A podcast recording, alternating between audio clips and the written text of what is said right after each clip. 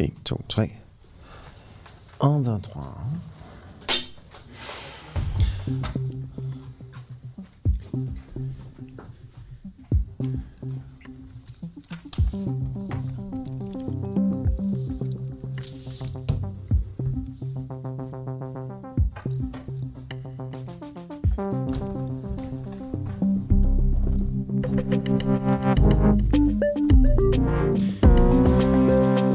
(2.652), det er dagens tal. Det er så mange medlemmer, vi er oppe på nu, så mange betalende medlemmer her på Den Uafhængige. Det betyder, at vi mangler 348 medlemmer, før vi er oppe på de famøse 3.000 og kan sende to timer. Og vi skal nå det inden i morgen. Vi vil jo gerne nå det inden 1. juli. Så inden i morgen, der er, øh, der er målet, at vi skal have 348 nye medlemmer. Det kommer ikke til at ske, hvis det fortsætter i det tempo, som vi har haft indtil nu. Det kan man sige. Det er fuldstændig rigtigt. Men, men det er alligevel heller ikke fuldstændig urealistisk, fordi på de aller, allerbedste dage, der har vi kunne skaffe så mange hver dag, så det kan øh, så man kan ramme det tal der. Men vi skal altså nå 348 på to dage. Dua.dk, hvis du vil øh, støtte os. Vi håber øh, rigtig, rigtig meget at modtage lidt øh, monetos fra dig, så vi kan komme i luften. Det her, det er øh, en uafhængig morgen. Alexander Vilsen til studiet, og Asger Jul over for mig. Det er præcis. Godmorgen. Godmorgen. Et godt program, vi har i dag. Øh, bare lige for at sige, der er et, øh, et interview med Maja Mercado fra De Konservative, som jeg lavede i går eftermiddags, øh, som kommer her om cirka en, øh, en halv time. Og her i det her interview, der formår Maja Mercado at, at snakke udenom et øh, sådan helt simpelt spørgsmål i en 4-5 minutter. Øh, det kan man høre om cirka en halv time, hvis man er interesseret i sådan noget. Der ligger faktisk også et, en, en nyhed gemt i det. Det viser sig nemlig, at øh, de konservative har flere sexismesager indrømmer Maja Mercado, end det har været fremme i medierne indtil nu. Der er altså flere, ud over det vi har hørt om med deres undersøgelser og deres whistleblower-ordning, øh, der ligger og gemmer, som de ikke har fortalt om. Endnu et take i vores sag om øh, sexisme i, øh, i Blå Blok. Øh, med et spjæt med halen og en lille nyhed i dag. Øh, altså, et andet parti, der også har det svært, det er Socialdemokratiet. Det har de i hvert fald på øh, de lokale plan. Øh, Annelise Madsen har været medlem af Socialdemokratiet i otte år i Ishøj Kommune. Men nu er det altså slut. Hun er gået ud af partiet, fordi hun er blevet dårligt behandlet, siger hun. Og det er jo øh, en lokalforening af Socialdemokratiet, der har haft det hårdt. Ikke?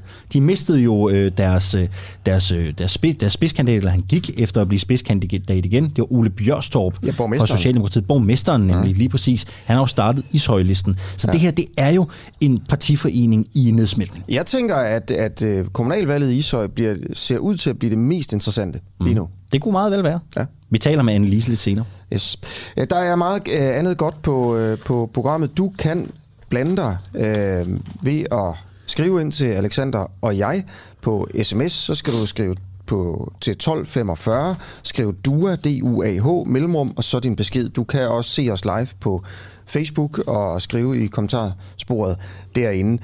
Og så kan man jo lytte til os. Det kan jo være, at man lytter et eller andet sted nu her. Det kunne være, at man lytter på, på DK4 DAB. Man kan faktisk lytte til os på DAB hver morgen live. Man kan også se os på DK4 TV. Så er vi på vores egne apps, og dem vil vi gerne øh, opfordre, at man, øh, at man lytter på. Øhm, og så er vi faktisk også på FM, øh, båndet i, i København, på noget, der hedder Station København, omkring 102 øh, er vi hertz. Og hvad er vi mere? Jamen altså på podcast og sådan noget. Grunden til, at jeg siger alt det her, det er jo, fordi hvis man lytter på en af dem her og tænker, hov, jeg vil hellere gerne lytte på en anden, så er der jo selvfølgelig mulighed for det. For jeg stødte ind i en her den anden dag, der lyttede til os på Facebook Live altid. Og så tænkte jeg, det er jo, det er jo en dum måde at lytte, hvis man gerne vil lytte hele tiden. Mm. Altså, så er det nemmere at downloade en app, eller, eller øh, lytte til os på DAP'en for eksempel. Mm. Ja.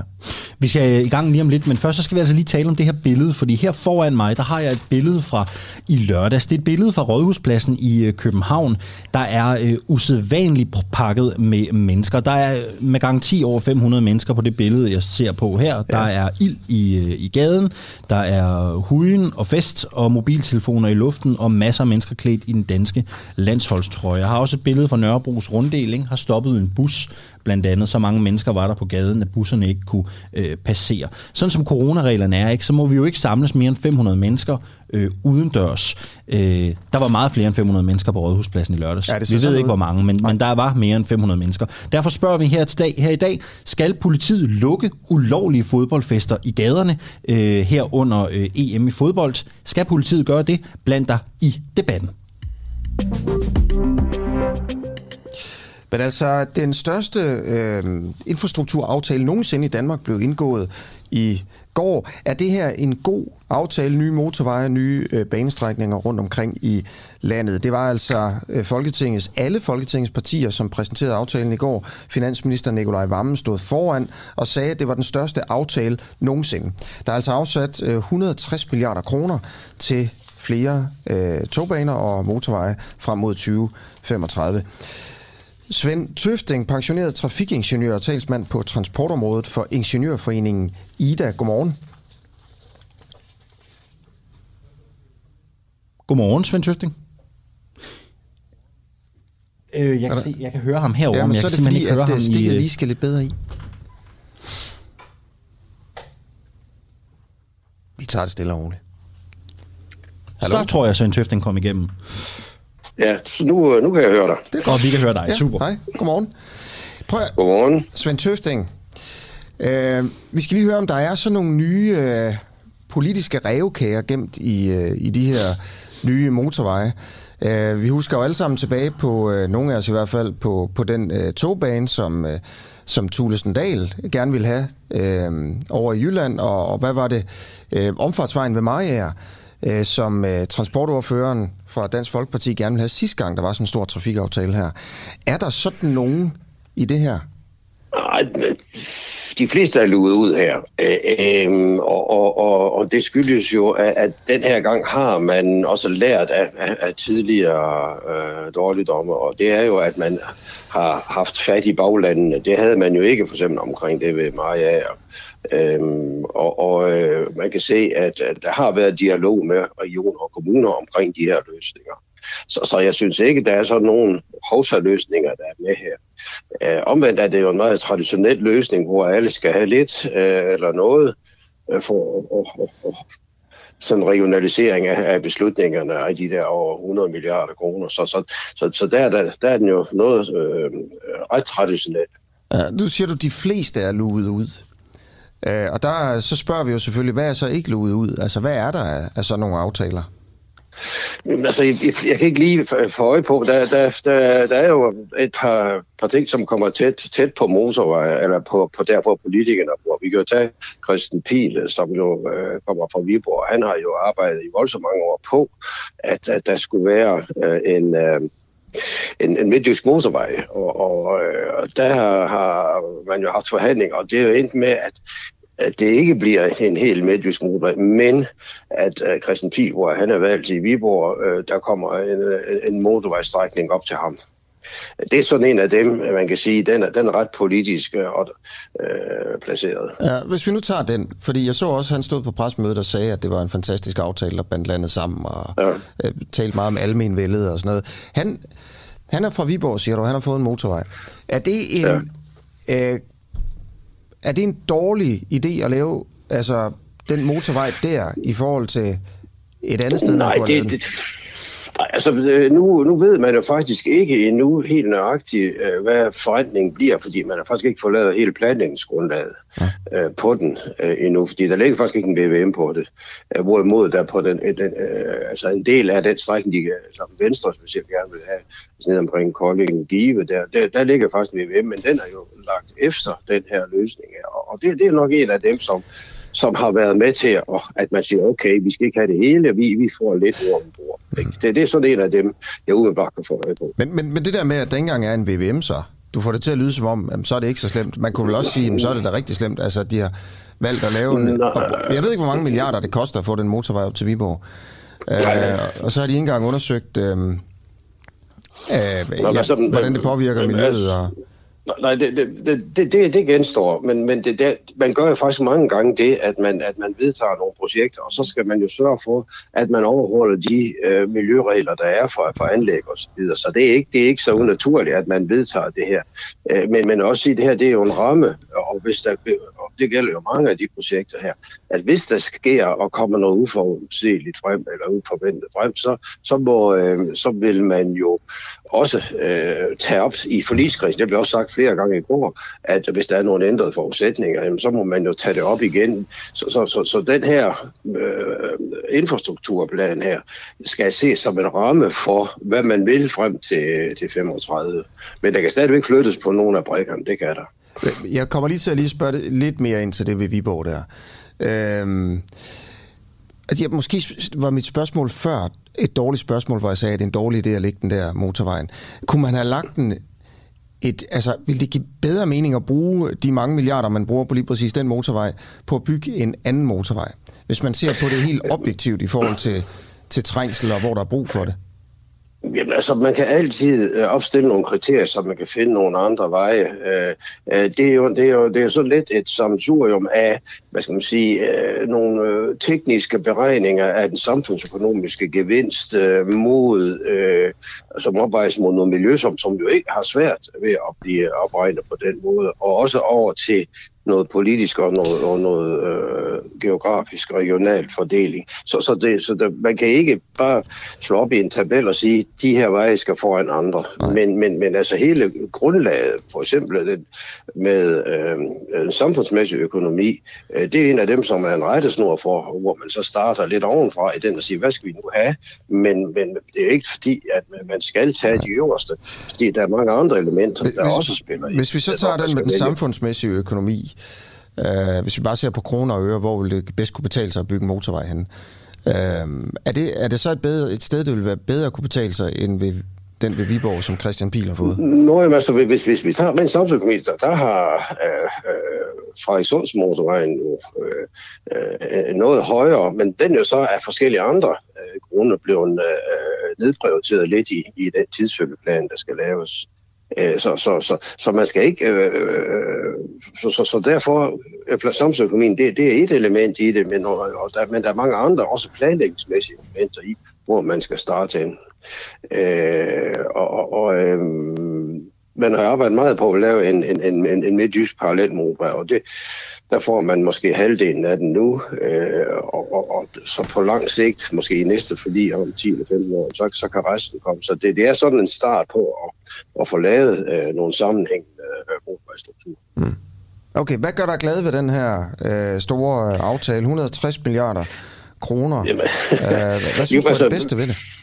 Jamen altså, jeg, jeg synes, at man får første gang, altså i mange år har forsøgt at lave en helhedsplan, og hvor faktisk mange er med på, på meget af det. Det vil sige, at man, nu har man en ramme for, hvordan øh, verden, øh, eller øh, hvordan infrastrukturen i Danmark skal se ud om, om 15 år. Og det synes jeg egentlig er positivt.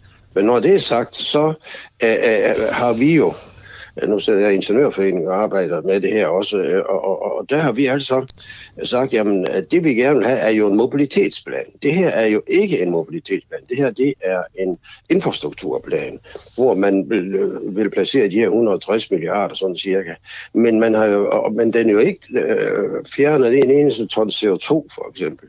Øh, og, når man ser på regeringens eller Folketingets ønske om at reducere med 70 procent, så har man en voldsom udfordring på transportområdet, hvor øh, øh CO2-udledningen siden 90 er steget med 25 procent, og i alle andre sektorer er faldet med, med, med 25 til 50 procent.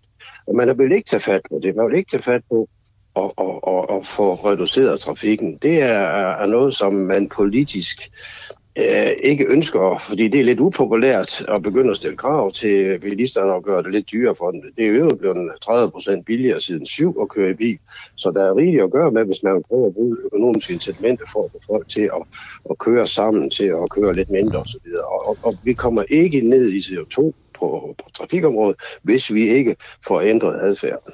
Okay, vel, tusind tak, fordi du vil være med uh, her til morgen. Ja. Svend Tøfting, kan du have det godt? Pensioneret trafikingeniør her, øh, som, som, øh, som var med. Jeg vil bare lige sige, Alexander, to sekunder, at den her nye aftale, øh, der bliver der sat 86 milliarder kroner i til offentlig trafik, 64 øh, milliarder i til anlæg og veje, og så er der altså øh, så er der også en del penge til ladestander og den slags øh, ting, for at, sådan at, at hjælpe elbiler lidt på vej i Danmark. Kan jeg vide, hvad man får i, øh, i Ishøj i den transportaftale? Det ved jeg faktisk ikke. Det kan være, at der kommer noget hurtigere S-tog eller et eller andet. Ja. Om der er noget, det skal jeg ikke kunne sige. Nej, jeg ved det heller ikke. I Ishøj, der sidder, eller der har Annelise Madsen i hvert fald siddet i den socialdemokratiske gruppe. Det gør hun ikke mere. Efter otte år, så har hun altså meldt sig ud, og det har hun gjort med begrundelsen af, at det har chokeret hende, hvor grimt man har behandlet folk. Nu er hun med her til morgen. Annelise Madsen, godmorgen. Godmorgen. Hvad er det, man har gjort, siden du ikke længere skal være en del af Socialdemokratiet? Helt konkret, hvorfor har du meldt dig ud? Helt konkret, så er det sager, der har fået mig til at melde mig ud i sidste ende. Øh, det her, at man øh, bliver så populistisk, så øh, at man øh, lige pludselig vender rundt på en tallerken, fordi det er op til valget. Øh, at man ikke har ville lytte til, til de ting, øh, jeg har prøvet at fremføre omkring øh, ældreområdet øh, i tide, sådan så at det er fuldstændig glædet ud af, af ja, rimelighed, vil jeg så sige. Det, øh, det, det, det er meget, meget sørgeligt. Hvad er det, der er Men populistisk? Det er jo noget... Hvad der er populistisk, ja. ja. Det er jo populistisk, at man øh, kan sidde og lave et budget til indeværende år, for at tage noget meget konkret, ikke? som alle kan tjekke op og rigtigt, hvad jeg siger. Øh, at man sidder og ikke vil være med til at rette op på de normeringer, der er på ældreområdet, øhm, og fuldstændig øh, er øh, helt lukket af for, for enhver øh, fornuft omkring øh, hele ældreområdet. Og så øh, nu et år efter, så er det det hotteste øh, og udelukkende, fordi at man kan se, at det er det, der kommer til at være det, der er afgørende for resultatet af valget. Øh, det synes jeg jo er temmelig groft. Annelise Madsen, en ting, det er jo de her konkrete sager, noget andet, det er jo sådan ligesom det generelle klima i den socialdemokratiske gruppe i Ishøj. Ikke? Det er jo måske ja. den kommune i, øh, i Danmark, hvor kommunalvalget bliver mest spændende. Ikke? Altså borgmesteren Ole Bjørstorp, han, øh, han forlod skuden, han stiftede sit eget parti, Ishøj-listen. Altså, er der problemer med samarbejdsklimaet i Socialdemokratiet i Ishøj? Absolut. Det har været fuldstændig delt i, øh, i, i, i lejre nærmest øh, og det har været voldsomt ubehageligt at være i. Altså det sidste også, der slog hovedet på sømmet her i, i den retning, det er jo, at øh, vi blev bedt om at skrive under på øh, en kandidaterklæring, som skulle gælde øh, for øh, den periode, vi går ind i nu, fra 2021 til 2025, øh, hvor der ligger øh, i det, at man skriver under på at ville følge det her partiprogram som der skal vedtages på en øh, generalforsamling. Normalt der laver man sådan et valgprogram øh, i samarbejde, og der har været et enkelt to timers online-møde øh, i en forening her på over 300 medlemmer, hvor vi var 15, der var på, og hvor at vi øh, fik sagt, hvad, hvad vi synes øh, kunne være interessant at have med. Men øh, vi har ikke efter det fået lov til at arbejde med det, og jeg har rykket og rykket for det. Øhm, og det program, det er jo så faktisk blevet udviklet nu og skrevet, øh, har jeg hørt, uden jeg har kunne få lov til at se det. Og øh, alligevel så bliver jeg jo så afkrævet, at jeg skal skrive under på, at jeg vil følge det. Det synes jeg jo er virkelig pro- problematisk. Altså jeg havde foretrukket, at, øh, at man gik ind og, og kunne være sammen om at lave det, og det her med at bruge corona som en, en undskyldning for det, det, det passer jo ikke. Øh, man har jo også kunne lave ekstraordinær generalforsamling på meget få øh, uger og få det op at stå, fordi man ville ekskludere et medlem. Så, så det er jo ikke, fordi man ikke har kunne finde ud af at, at lave en generalforsamling. Øh, du eller, nævner, eller møder i det hele taget. Du nævner øh, selv, at, at samarbejdsklimaet er betændt. Øh, gruppen fungerer dårligt. Du har været der i otte år. Ja. Hvad er den værste oplevelse, du har haft i den socialdemokratiske gruppe? Øh, den værste oplevelse, det var afsætningen af vores øh, øh, gennem mange, mange år øh, kommunaldirektør, hvor øh, at jeg til sidst øh, med tårne ned ad kinderne sad og, og krævede at få en ordentlig forklaring på, hvorfor at man ville stoppe samarbejdet med så dygtigt et menneske, som vi havde, Anders Hvid. Øh, og øh, det kunne jeg ikke få en, en, en ordentlig forklaring på. Jeg skulle bare gå ind i byrådssalen øh, og, og rette ind øh, og stemme det samme som de andre. Øh, og der blev jeg truet med eksklusion, hvis jeg ikke gjorde, hvad der blev sagt. Hvad, hvad stemte det var du meget, så? meget voldsomt. Hvad, hvad stemte du? Jamen, du ind, jeg, eller hvad? jeg havde ikke nogen mulighed. Hvis jeg, jeg, jeg fik at vide, hvis jeg ikke havde stemt, som jeg skulle i den sammenhæng, at så ville jeg så være ekskluderet. Mm. Øh, hvis man er ude af gruppen, så øh, er, er man også samtidig ude af partiet. Så Nå, det havde jeg selvfølgelig ikke lyst til. Hvad, hvad går gennem i hovedet på dig der, hvor du vælger at, at stemme på noget, du ikke mener er rigtigt for at blive i partiet? Hvad er det for en afvejning, øh, du laver der? Øh, ja, hvad er det for en afvejning? Øh, det er ikke nogen afvejning. Det er, det er, en, en, det, det er meget, meget voldsomt at sidde i, vil jeg sige. Ja. Det er en øh, dyb følelse af afmagt. Øh, det er øh, ja, to, total afmagt, vil jeg kalde det. Det er meget ubehageligt. Øh, Annelise Madsen, to okay. korte spørgsmål øh, her til sidst. Øh, vi talte jo om, at man næsten her kan sige, at der er tale om et parti, et, et, en, en lokal partifraktion i opløsning. Er du enig i den betragtning? Ja, det er jeg. Helt bestemt. Helt bestemt. Og, øh, altså, nej, der foregår ting, som, som er helt ude af, af, af hvad der, der normalt bør foregå. Ikke? Så altså det, det handler jo også om det her med social kontrol, der foregår nu her. Så det, det synes jeg jo er meget forkasteligt. Og her til sidst, vil du efter otte år i partiet, nu er du gået ud, vil du kunne anbefale borgerne i Ishøj Kommune at stemme socialdemokratisk til kommunalvalget? Nej, Nej, desværre. Ikke med de mennesker, der sidder der nu. I, I kommunalpolitik, der handler det meget om, hvilke folk, der sidder på posterne.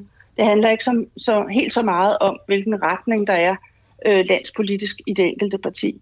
Så nej, desværre ikke i Ishøj. Skal man Men stemme på landsplan på, på, kan jeg da øh, stadig anbefale det. Skal man stemme på den, den tidligere eller den nuværende borgmester, som bare er skiftet til en, øh, en borgerliste.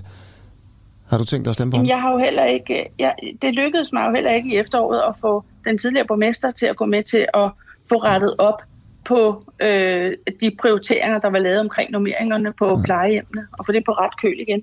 Så, så, øh, så det ved jeg ikke. Det, det synes jeg jo ikke er, er det rigtige. Okay. okay øh, og, øh, Tusind tak, fordi du vil være med, Annelise Madsen. Ja til os, og, og, så vi kunne snage lidt i, øh, hvad der foregår i, i Ishøj her. Klokken er 21 minutter over syv. Det her det er en uafhængig morgen. Og øh, vi stopper ikke helt med øh, kommunalpolitik, for Ej, nu skal vi en tur videre til Herlev, hvor vi skal faktisk ja. også blive i det socialdemokratiske øh, univers. Vi skal nemlig tale med øh, Thomas Gyldal Petersen. Godmorgen, Thomas. Godmorgen. Du er som sagt borgmester i øh, Herlev øh, Kommune. Grunden til, at vi skal tale øh, med Thomas Asker, det er jo, fordi vi nu skal tale om et helt principielt spørgsmål. Ikke? Ja. Altså, er det okay, at kommunale faciliteter koster ekstra for udefra kommende gæster for øh, kommunen? Ja. Øh, fordi sådan som reglerne er nu i Herlev, ja, så kan du øh, give 45 kroner, hvis du tager en tur i svømmehallen mellem kl. 16 og 19, hvis du altså bor i kommunen. Ja. Hvis du kommer udefra, ja, så koster det 110 kroner, ja. altså over det dobbelte. Spørgsmålet er jo så, om det her er i orden. Det er en beslutning, der er blevet truffet i kommunalbestyrelsen i Herlev, træffet i øh, mandag, ved at skrue prisen op med 150 procent for de her svømmehalsgæster uden for øh, kommunen. Og Thomas Gyldal Petersen, har du hørt om den her finte andre steder i landet? Nej, det har jeg sådan set ikke. Øh, men øh, nu bare lige en enkelt korrektion. Vi træffede den her beslutning i april måned sidste år. Og det gjorde vi på baggrund af et øh, langt forberedende arbejde, vores forvaltning havde lavet. Øh, vi havde, eller har et svømmehal, øh, som, øh, som siden sin indvielse i 2011 har været ekstremt populær.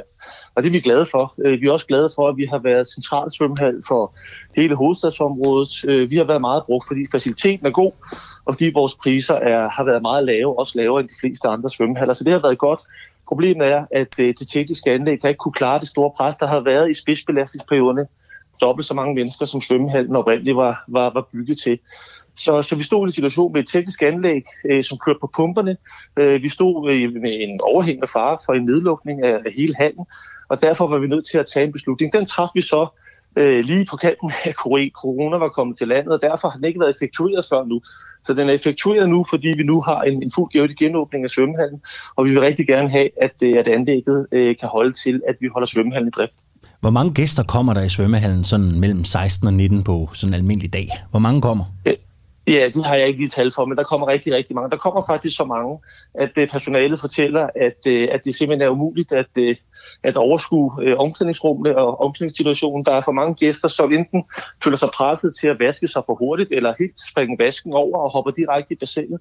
Og det, der sker, når folk gør det, og det var jeg ikke så meget klar over før, men det er jeg nu, det er, at når man hopper i bassinet uvasket, øh, så udløser det altså en hulens masse ekstra kemi i bassinet. Og, øh, og når det gør det, øh, jamen, så betyder det sådan set, at niveauet af, af kemi i klor blandt andet i, øh, i lokalet øh, stiger. Og det er til skade både for de badende gæster og for, øh, og for, for vores personale. Så det vi fik besked på af vores forvaltning, det var, at det alt for høje igennem alt for mange år antal øh, gæster i vores svømmehal gjorde, at, øh, at de var nødt til at anbefale os af hensyn til Øh, anlægget, af hensyn til de badende gæster, af hensyn til medarbejderne, at der skulle færre gæster ind, og det var det, vi var nødt til at håndtere. Hvordan skulle man gøre det? Ved at begrænse for alle borgere, altså også Herlevs borgere, som jo tilbage i 2011 årene forud for øh, betalte øh, på den dyre side 100 millioner for at få den her hal op at stå. Skulle vi begrænse vores foreninger? Vi har flere succesfulde foreninger, svømmeforening, vi har en triathlonklub, vi har en dykkerforening, som bruger øh, handen. Skulle vi begrænse foreningernes brug? Altså, hvor skulle vi gribe ind? Det kommunalbestyrelsen valgte i april måned sidste år, det var at sige, at vi vil rigtig gerne have, at de herleborgere, som har betalt øh, for handen, de foreninger, som man jo kan være medlem af, uanset hvor man bor, der bruger handen meget, at de også fortsat kan, kan bruge handen. Og så øh, håber vi jo faktisk, at vi får nogle faldende indtægter øh, på, på badende gæster øh, udenbys fra, at de i stedet for vil bruge øh, de svømmehaller, som, øh, som ligger øh, tættere på, hvor de bor. Mm. Men altså et, et nybrud i, øh, i den måde, man, man driver kommunale svømmehaller på i Danmark, muligvis i hvert fald. Vi har heller ikke kunne finde øh, mm. andre eksempler på, at man, øh, man, man gør, som, som du gør, Thomas øh, Petersen i Herlev. Altså, at, at det skal være dyrere for folk... Øh, fra en anden kommune. Man kan jo sige, altså, hvad, hvad er det dårlige ved det her? Hvad tænker du selv? Øhm, altså, men, du men nu... de der hammer, jamen, jamen, skal vi jo hammerne ærgerlige over, at vi er nødt til at gøre det her. Øh, vi har jo været rigtig glade og stolte over, at vi har haft en svømmehal, som, øh, som har været så populær. Og vi er rigtig glade og stolte over, at folk øh, har kørt forbi tre-fire svømmehaller på vejen fra deres hjem, for netop at besøge vores svømmehal. Altså det her, det er jo en konkret situation, øh, som vi øh, er nødt til at håndtere af nød. Det er ikke af lyst, øh, vi gør det her. Øh, vi er da kede af, at vi ikke kan have plads til alle, alle gæster, men, men omvendt kan vi jo heller ikke leve med øh, en, en nedlukning af vores svømmehal, eller, eller en situation, hvor vi må begrænse øh, de øh, meget aktive foreninger, vi har i vores by, eller de mange herleborgere, som har betalt for svømmehallen en gang. Hvordan det helt praktisk øh, foregår det? Altså, når man Jamen, kommer som, og skal købe en billet mellem ja, så, kl. 16 og 19? Så skal man, ja, så skal man fremvise sundhedskort, Nå, okay. øh, og der fremgår ens adresse. Ikke? Ja. Så, øh, så det er sådan, det kommer til at blive. Men, men når vi nu taler om priser, fordi det er rigtigt, altså prisstigningerne er jo store øh, procentuelt, øh, og det er det jo også, fordi vi har haft lave priser. Øh, det vil jo stadig være sådan, at hvis man bor på Frederiksberg, øh, lige ved siden af den nye Flintholm svømmehal øh, og køber et, øh, et, et, øh, et, hvad hedder det, et titurskort der øh, som voksen, så koster det præcis det samme, som det nu kommer til at koste i Jordsblombadet i Herlev. Hvis man er barn, øh, så slipper man faktisk øh, 110 kroner billigere i Jordsblombadet fortsat, end, end hvad det koster på Frederiksberg. Mm.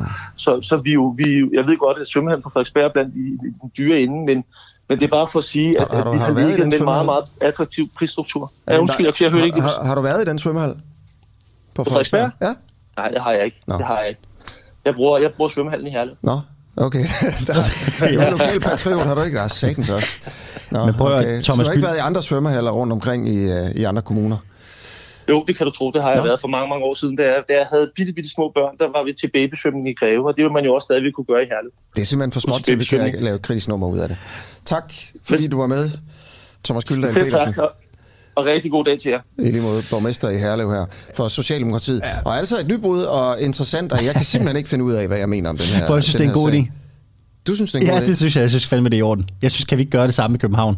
Altså helt seriøst, der er så mange øh, turister og så mange folk, der kommer ind fra opland, øh, der gør, at, at, at der er, er, er kø og ballade og alt ja. muligt andet. Det, jeg synes, det vil være en god idé. Okay. Ja, ja. Der skal være fordele ved at bo. Jeg synes, det er okay. Ja, ja. ja. ja. Ja, okay. Så er det bare sagt. Jeg har, altså, det, anken her er jo selvfølgelig, at jamen, hvis den ene gør det, så gør den anden det.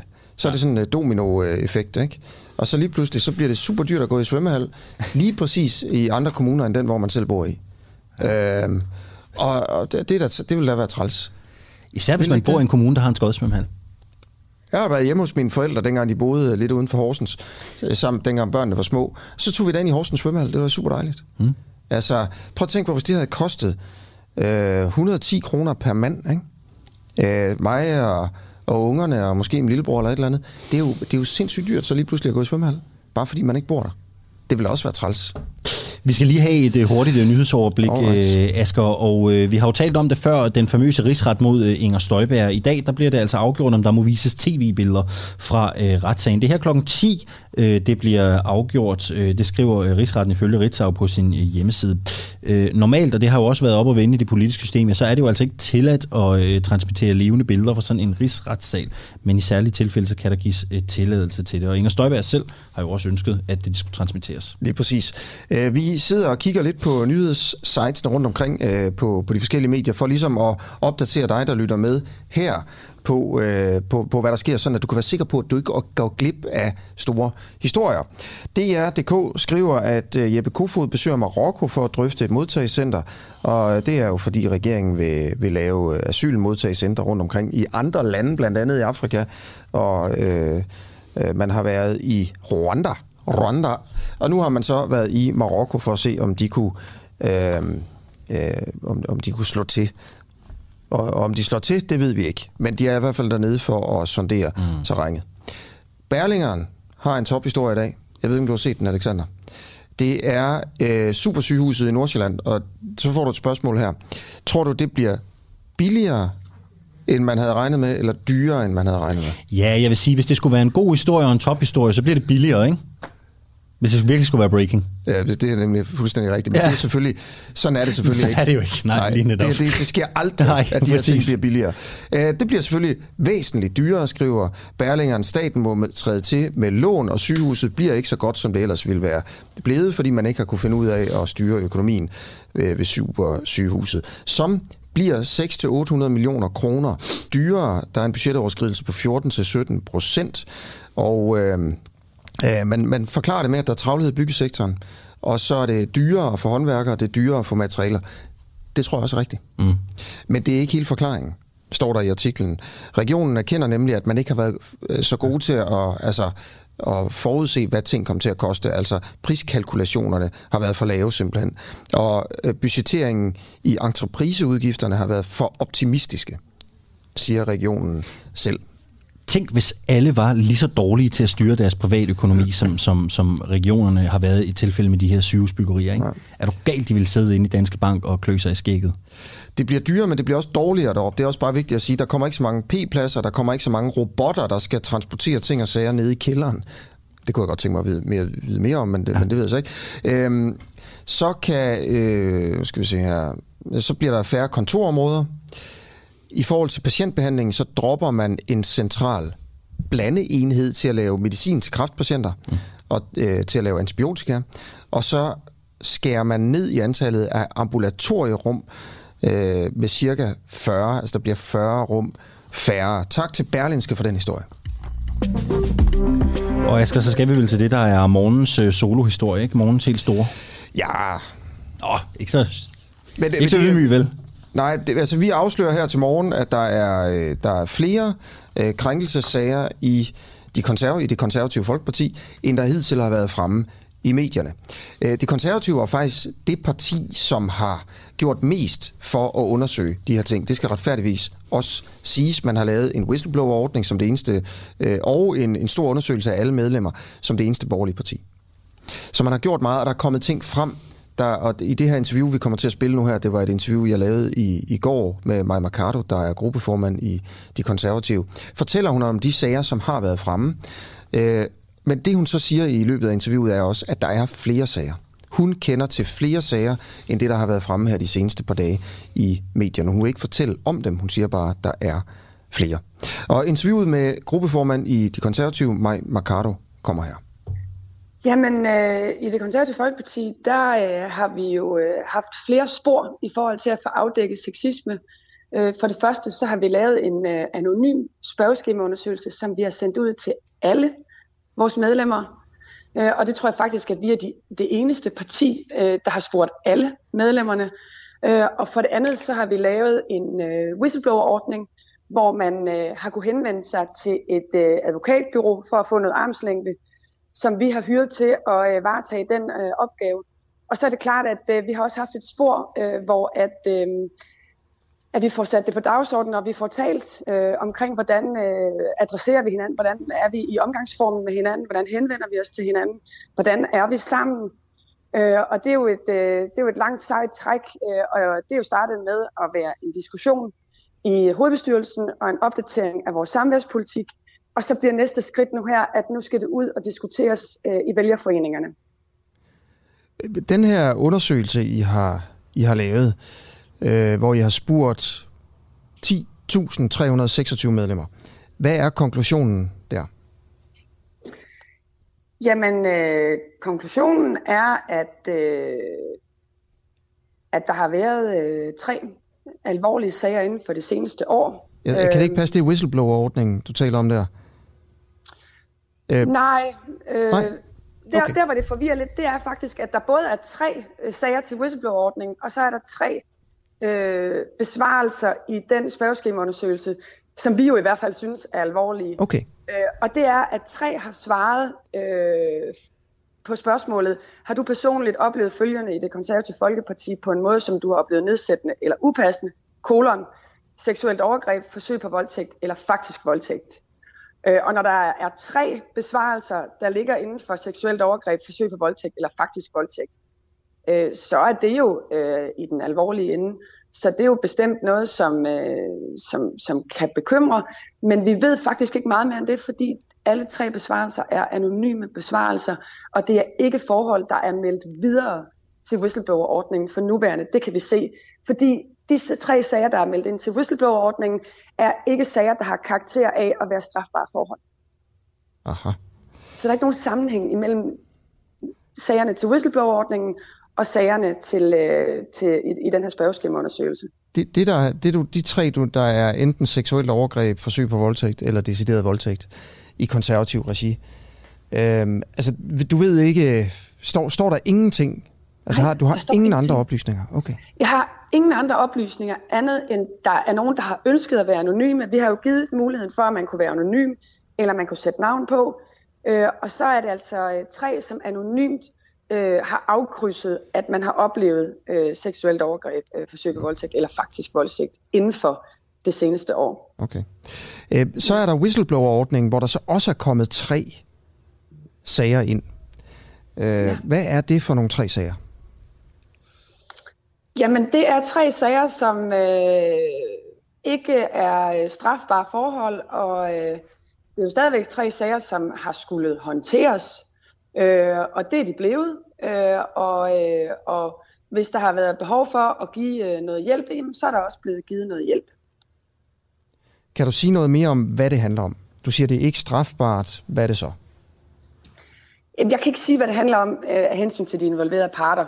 Øh, man øh, henvender sig heller ikke til en whistleblower for, at jeg så efterfølgende øh, sidder og, øh, og, og, og kommenterer øh, på dem offentligt. Men jeg kan i hvert fald bare sige, at øh, sagerne er blevet håndteret i et særligt udvalg, som øh, hvad kan man sige, med professionel hjælp har afsluttet hver enkelt sag. Øh, og det har selvfølgelig været i, øh, i, tæt, øh, i tæt samarbejde med, med de implicerede, med de involverede. Mm. Er alle offrene tilfredse med udfaldet af den måde, det er blevet håndteret på?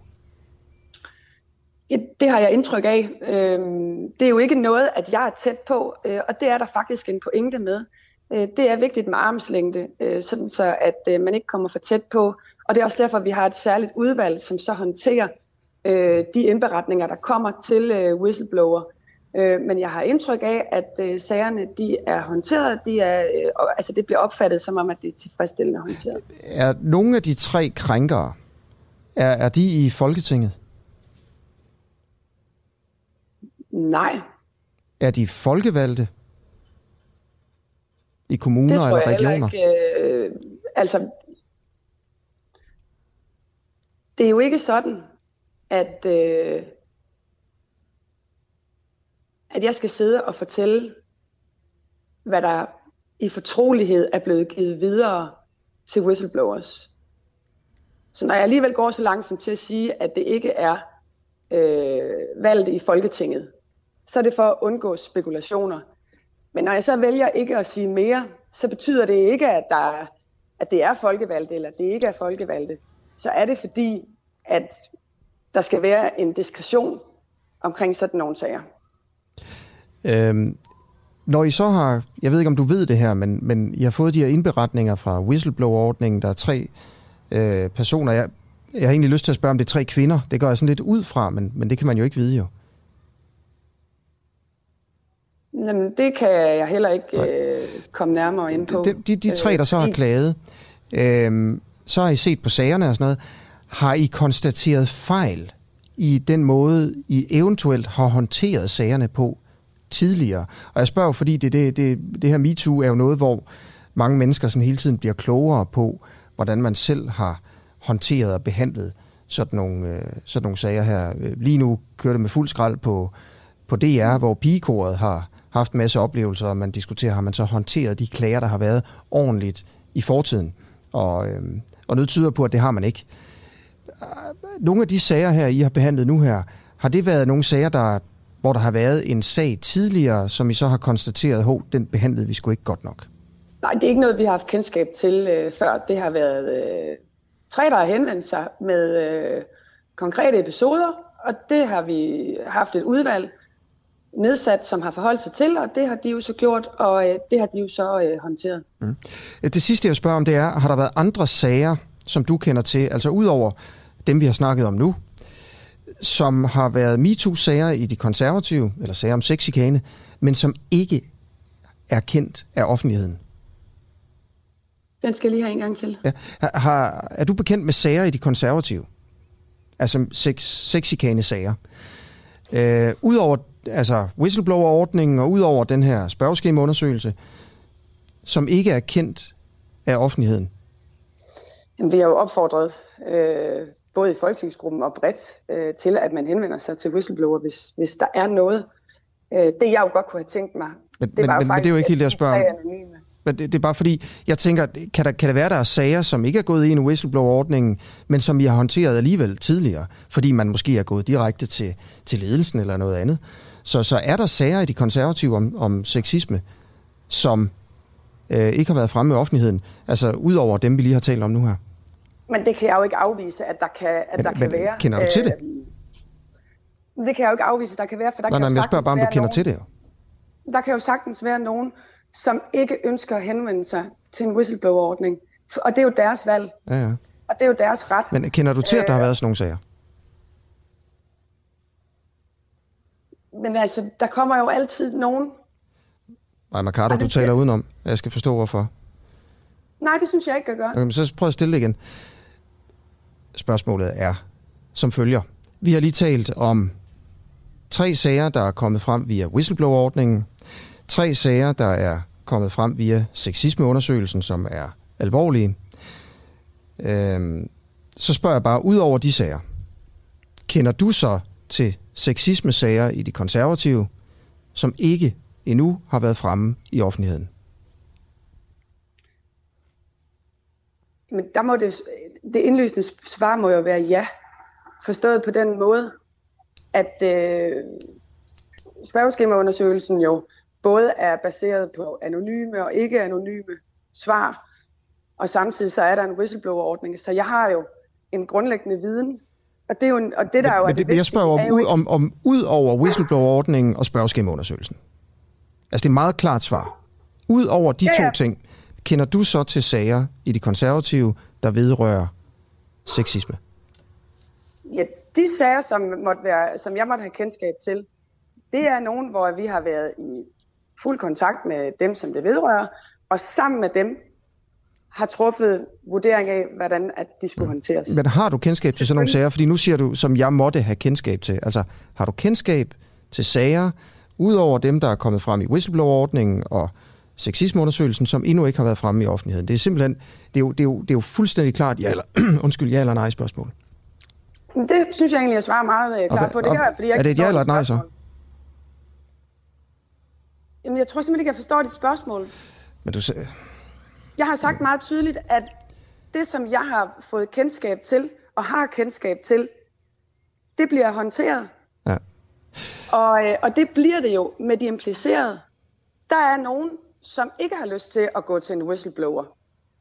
Der er nogen, som har lyst til at gå til en whistleblower. Men, men hvorfor er det, du Og ikke bare svarer ja eller nej på spørgsmålet, Maja? Jeg, jeg, du ved, jeg nogle gange så sidder man i sådan en interview og tænker sådan, hvorfor, hvorfor, hvorfor svarer du ikke bare ja eller nej? Øh, det er som om, du snakker udenom. Altså, Nå, men det synes jeg ikke, jeg gør. Altså, det er, jeg synes, Så, så de kender du til sager, okay, så kender du personligt til sager om sexisme i det konservative folkeparti, udover øh, dem, der er kommet frem i sexismeundersøgelsen og i whistleblower-ordningen, som endnu ikke er kendt af offentligheden? De sager, som jeg har kendskab til, er efter samarbejde med dem, det vedrører, håndteret efter den måde, de ønsker, at det er håndteret på. Så ja, Så det bliver et ja. Du kender til ekstra sager, udover det, vi har, vi jeg har har talt om svaret her. dig nu, Asger. Øh, Okay, fint nok. Øh, Er, er det sager, der involverer medlemmer af folketingsgruppen? Nej, det er det ikke. Det er det heller ikke. Men jeg kommer ikke til at svare uddybende, fordi jeg har en forpligtelse over for nogen, som ikke ønsker, at øh, hverken den uafhængige eller andre medier skal grave i det, og det må man respektere. Og det respekterer jeg. Og det er måske derfor, du får et, halvdårens svar. Det er fordi, der er nogen, som ikke har lyst til at havne på forsiden, og som egentlig bare har rakt en hånd op og sagt, jeg har oplevet det her, men det er ikke noget, jeg har lyst til at gå videre med, og, og det må du respektere mig, og det respekterer jeg naturligvis. Øhm, og det sidste spørgsmål her øh, er, du siger til, til BT følgende. Der er ingen, som rager på gruppeformanden. Øh, det er jo så dig. Men, men derfor eksisterer sexisme stadigvæk i partiet. Det, her, det er den her undersøgelse et tydeligt bevis på.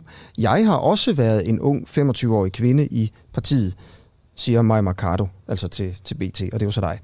Øh, Hvad er det, du har oplevet som en ung 25-årig eller en ung kvinde i, i de konservative? Hvad er det værste, du har oplevet? Jamen, der er ingen tvivl om, at der er forskel på at være 25 år og lige øh, komme med ind i et, øh, et fællesskab, og så at være øh, gruppeformand. Øh, og jeg har da også haft oplevelser, øh, som øh, når jeg kigger tilbage ikke var specielt rare. Og derfor så er min opgave i dag egentlig at kigge fremad og være med til at skabe et miljø, hvor det er rart at være. Vil, vil du dele både den værste... 25, når man er 40. Du, du behøver slet ikke. Jeg vil bare høre, om du vil dele den, den, den oplevelse, der for dig har været værst. Nej, det, det har jeg ikke noget behov for. Altså, jeg har heller ikke behov for at konfrontere nogen. Det er sket for 15 år siden, så det, er jeg, det har jeg en fin stil lagt bag mig. Det er der ingen problemer i. Det er der ingen problemer i. Ikke for mig. Okay. Nej, nej, nej. Nej, men tænker du, du kan jo sende et godt signal, hvis du måske også altså, går foran og fortæller om dine oplevelser? Øh, Altså, jeg har ikke så meget fokus på mig selv. Jeg har faktisk fokus på at øh, få skabt en god kultur og, og sikre, at øh, de både mænd og kvinder, som øh, er i det konservative fællesskab, jamen sikre, at de, øh, at de øh, er der på en, øh, på en god måde, hvor at der er en god omgangsform, hvor man respekterer hinanden, hvor man behandler hinanden ordentligt. Det er det, er det der er, er vores opgave, og derfor så er vi jo faktisk også midt i en proces, øh, fordi en ting er, at vi jo har haft drøftelsen med vores hovedbestyrelse, men anden ting er også, at vi jo nu kommer til at drøfte helt ud i vores vælgerforeninger, simpelthen fordi, at, øh, at det er jo ikke nok bare at opdatere en samværspolitik. Øh, det er ikke alle, der opdager det, øh, men man kan ændre noget, og man kan rykke ved noget ved, at man ude i vælgerforeningerne får den direkte diskussion af, hvordan omgås vi egentlig, hvad accepterer vi, og hvad accepterer vi ikke. Ja, så lød det altså fra uh, Maja Mercado, da du talte med hende i går, gruppeformand i det konservative uh, Folkeparti. og konklusionen er jo her, at der er en, en del, der har jo været en del sager i det konservative mm. øh, Folkeparti.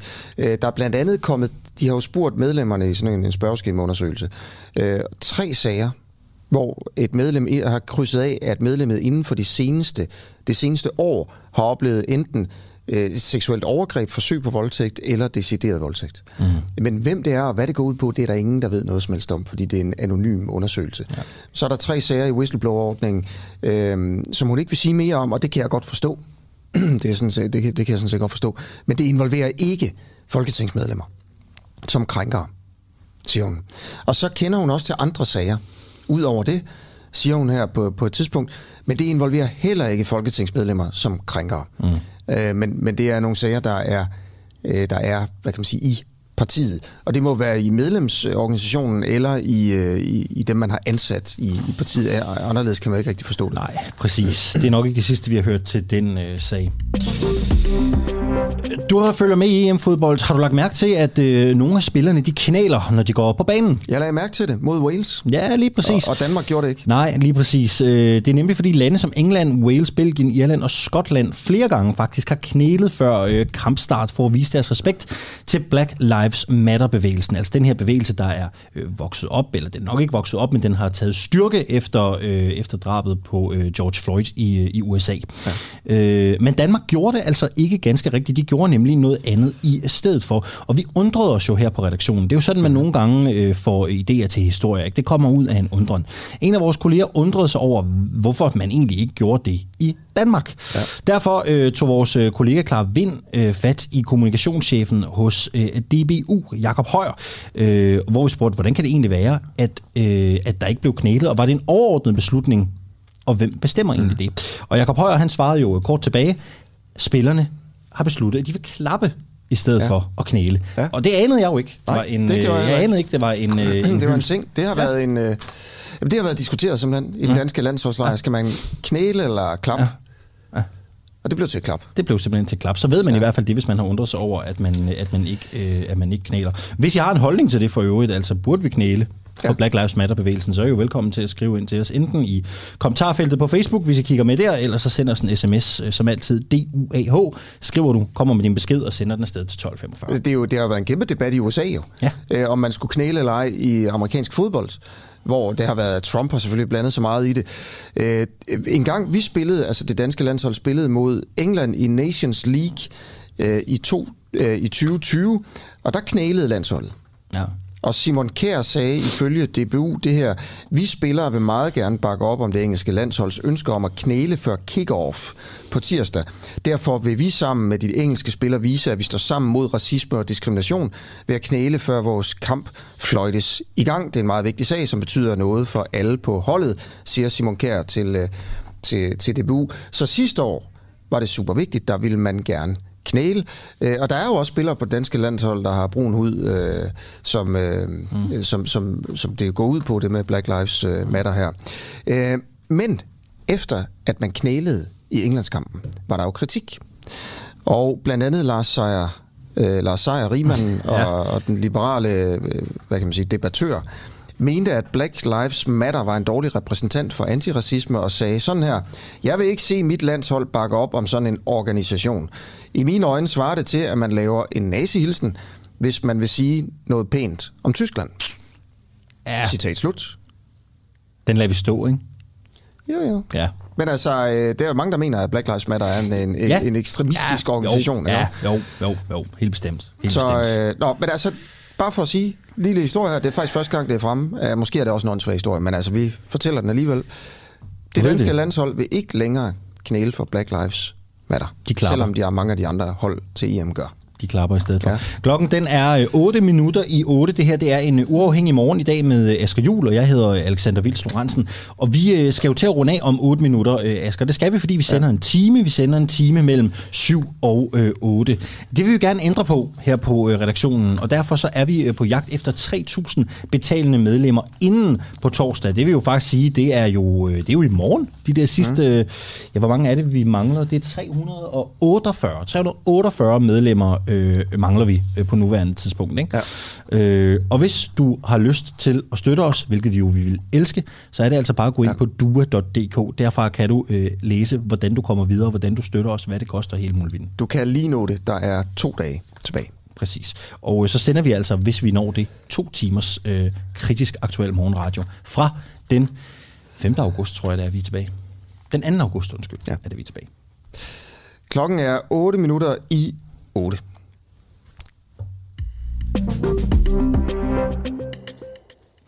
Og vi skal snakke om Sverige nu. Det skal vi have. Hvem bliver den næste svenske statsminister? Den øh, svenske statsminister Stefan Löfven har nemlig trukket sig fra sin øh, post, efter han for en uge siden tabte en mistillidsafstemning i rigsdagen, efter at Venstrefløjt i Sverige væltede en socialdemokratisk statsminister. Ufattelig interessant, for det er jo noget, Venstrefløjen i Danmark tit snakker om, men aldrig gør. ja. øh, den svenske statsminister sagde, at han ville trække sig på et pressemøde i går, men han har selvfølgelig allerede gang i planer, øh, som kan få ham tilbage på posten. Løfven giver ikke op så, så let. Peter Supli Benson, du er international korrespondent hos Berlinske. Godmorgen. Ja, godmorgen. Godmorgen. Hvem bliver den næste svenske statsminister, tror du? Åh, oh, det ved, svenskerne ved det i hvert fald ikke. Det, det står fuldstændig klart. Der er en, øh, en, øh, synes jeg, nærmest vanvittig forvirring i det politiske system derovre, fordi at, øh, at alle har ligesom låst hinanden i den der politiske verden, sådan lidt på kryds og tværs. Øh, alle taler om, at vi skal finde løsninger, øh, men alle taler i virkeligheden også om, hvem de ikke vil lege med, øh, frem for hvem det er, de kunne finde på at arbejde sammen med. Så øh, hvis jeg nu bare skal forsøge at svare i et eller andet omfang, så er der jo rent faktisk en majoritet til, at det skal være Ulf Christensen, lederen af det store øh, borgerlige parti Moderaterne. Han har, hvis man tæller Sverigedemokraterne med, øh, flest stemmer. Men Løfven, som har siddet nu i to gange fire år, eller små fire år senest, med øh, øh, i spidsen for mindretalsregeringer, han er så uhyrligt dreven øh, og skædig, og han har ikke noget mod tænkt sig tid. Så, så, så budet lige nu er, at, at øh, det, han, han godt kunne finde på at købe sig tilbage til pladsen. Det er jo på baggrund af en øh, sag om regulering af huslejepriser, at Stefan Løfven han, han, må, han må gå. Altså, ja. Regeringen havde lavet en aftale med øh, partierne Centerpartiet og Liberalerne om en delvis liberalisering af udlejningspriser på boliger. Sådan De ganske kort, det. Ja, sådan ganske kort, øh, Benson. Hvad er det helt konkret, der har ført til, at han måtte gå? Altså, hvad er det, der, hvad er det, der har været den, den røde var, linje for Benson? Ja. Sluder for Nej, altså, Løfven. Ja, for Løfven, ja, ja, selvom, selvom jeg egentlig hed Bengtsson indtil min familie skiftede navn, da de flyttede fra Sverige, øh, øh så, så, øh, så tror jeg ikke, at jeg bliver svensk statsminister i den her omgang. Øh, men, men Løfven har igennem flere år haft Venstrepartiet, som er svært svar på enhedslisten, som øh, helt ærligt en slags dørmåtte, nogle, en, en, en, et lille parti, som har leveret stemmerne, men har været uden for indflydelse. Og de, de er blevet mere og mere inde et rasende over den måde, de er blevet behandlet af Løven og Socialdemokraterne og øh, Centerpartiet, som er sådan et, ligesom de radikale venstre stort set. Øhm, så, så det, at det nu var en, et, et, en undersøgelse af, om man skulle indføre delvist fri husleje i nybyggede boliger, det var alene en undskyldning for Venstrepartiet til endelig at sige, nu rækker det, venner, øh, nu får I ikke lov at jokke mere på os. Kan det passe, at, øh, du må lige rette mig, hvis jeg tager fejl her, for jeg, jeg følger svensk politik sådan lidt sporadisk, at, at det her Centerparti øh, på mange måder nøglen til, om det bliver rødt eller blåt. Ja. Og, øh, og, og egentlig så plejer de at være lidt blå. Øhm, ja. Men grunden er... til, at de ikke vil være med, øh, lege med de blå og gøre Ulf Christensen til, til statsminister, det er fordi, at de ikke kan, de ikke kan lide tanken om, at uh, Sverigedemokraterne, som man kunne sammenligne lidt med Dansk Folkeparti eller Nye Borgerlige, ja. øhm, det, at, at de får indflydelse, det, og så derfor så vil de hellere være røde. Altså, er de, er, de, er de ved at nå til sådan den samme erkendelse, som vi nåede til der omkring uh, 2001, at, på, måske skulle man bare lukke Sverigedemokraterne ind, højrefløjen ind og, og lege lidt med dem? Altså, Ja, altså vi har Sverigedemokraterne, som senest fik øh, lige omkring 17 procent af stemmerne. Det vil sige, at du har en, en gruppe på mere end en million svensker øh, vælgere, som, som de facto er sat uden for indflydelse, fordi, at man, fordi, fordi det etablerede øh, svenske politiske system øh, ikke mener, de er pæne nok. Øh, den, er, den er der virkelig skrevet i, den holdning. Øh, sådan har det været ved de to foregående valg. Øh, øh sådan bliver det ikke efter det næste valg. Moderaterne, det store borgerlige parti, øh, øh, kristdemokraterne som et andet, øh, sådan lidt religiøst baseret øh, borgerligt parti, de har sagt, at vi er klar til at lade Sverigedemokraterne rykke ind, ikke i regeringen, men som en del af det parlamentariske grundlag. Men Centerpartiet, som er det der radikale venstre i midten, som er en kongemager, som jeg kalder dem lidt, de, øh, de, de vil ikke under nogen omstændigheder have Venstrepartiet ind som et støtteparti til en regering, eller Sverigedemokraterne som et støtteparti. Så, og det er det, jeg taler om, at svensk politik lige nu er så låst, fordi Øh, øh, mandatfordelingen, den er om muligt endnu øh, mere giftig, end den er herhjemme. Det er reelt nærmest ens, en, en, et mandat, der, der, får, for, for til, der, der beslutter, om det bliver en borgerlig eller en socialdemokratisk regering. Så det vil sige, at når du, når du, når du har mandaterne, som er helt øh, fuldstændig lige, og du så i øvrigt har nogle ubekendte faktorer, nemlig at der er nogen, der ikke vil lege med de andre, så er det, du har et, et svensk politik, som er låst og har været det i en række år, og det har stor betydning for, hvordan de kan bedrive politik derovre, fordi Sverige er et konsensusland, det er stadigvæk, øh, det er stadigvæk til dels en, en sandhed, og i politik, der er de tvunget til alle sammen at blive enige, og det kommer der ikke nødvendigvis noget godt ud af. Nu øh, kandiderer øh, Löfven jo så øh, officielt stadigvæk til posten som svensk statsminister. Lad os sige, at det ikke går sådan. Hvordan ser fremtiden så ud for Löfven? Er der noget for ham at hente i svensk politik, eller hvad byder fremtiden? Nej, øh, øh, Sverige arbejder på den måde, at de har faste mandatperioder, det vil sige, at en regering sidder øh, som udgangspunkt fire år, så at det, at han er blevet tvunget ud nu, er første gang i 60 år, hvis jeg husker. Det er helt uhørt. Sådan arbejder man ikke i svensk politik. Øh, Löfven har sagt, at han vil stå i spidsen for, for Socialdemokratiet også ind i næste mandatperiode. Øh, og det betyder, at han vil øh, forsøge at blive statsminister, og så forventes det, at han så går relativt kort efter et valg. Øh, det, der, det, der måske kommer nu, det er et ekstra valg, som de kalder det over. Og selvom, selvom der måske skal være valg nu til, til september, så skal der være valg til september 22 igen. Øh, fordi så, så, så er mandatet, mandatet, altså de fire år udløbet. Og, og det er der, at man regner med, at Løven han sidder, sidder med til bords, eller for, enden af bordet, men, mm. men øh, så er han også fortid. Okay, Peter Supli Benson, tusind tak, fordi du vil være med, international korrespondent for Berlingeren. Og så har vi ikke meget mere på øh, programmet så når for vi ikke i dag. At, så når vi ikke at spille øh, det der med, at øh, popsangeren Christoffer, han, spiller, øh, han synger, at så skal han på luderbar, øh, mens han er øh, afsted. Ja, det gør vi. Nede i metroen her. Det er jo i forbindelse med, med landsholdskampen. Han skal til landsholdskamp, ser det ud til. Klokken Vi når ikke er at sige mere. Clara Vind og øh, Niklas Juhl var i morgenholdet. Alexander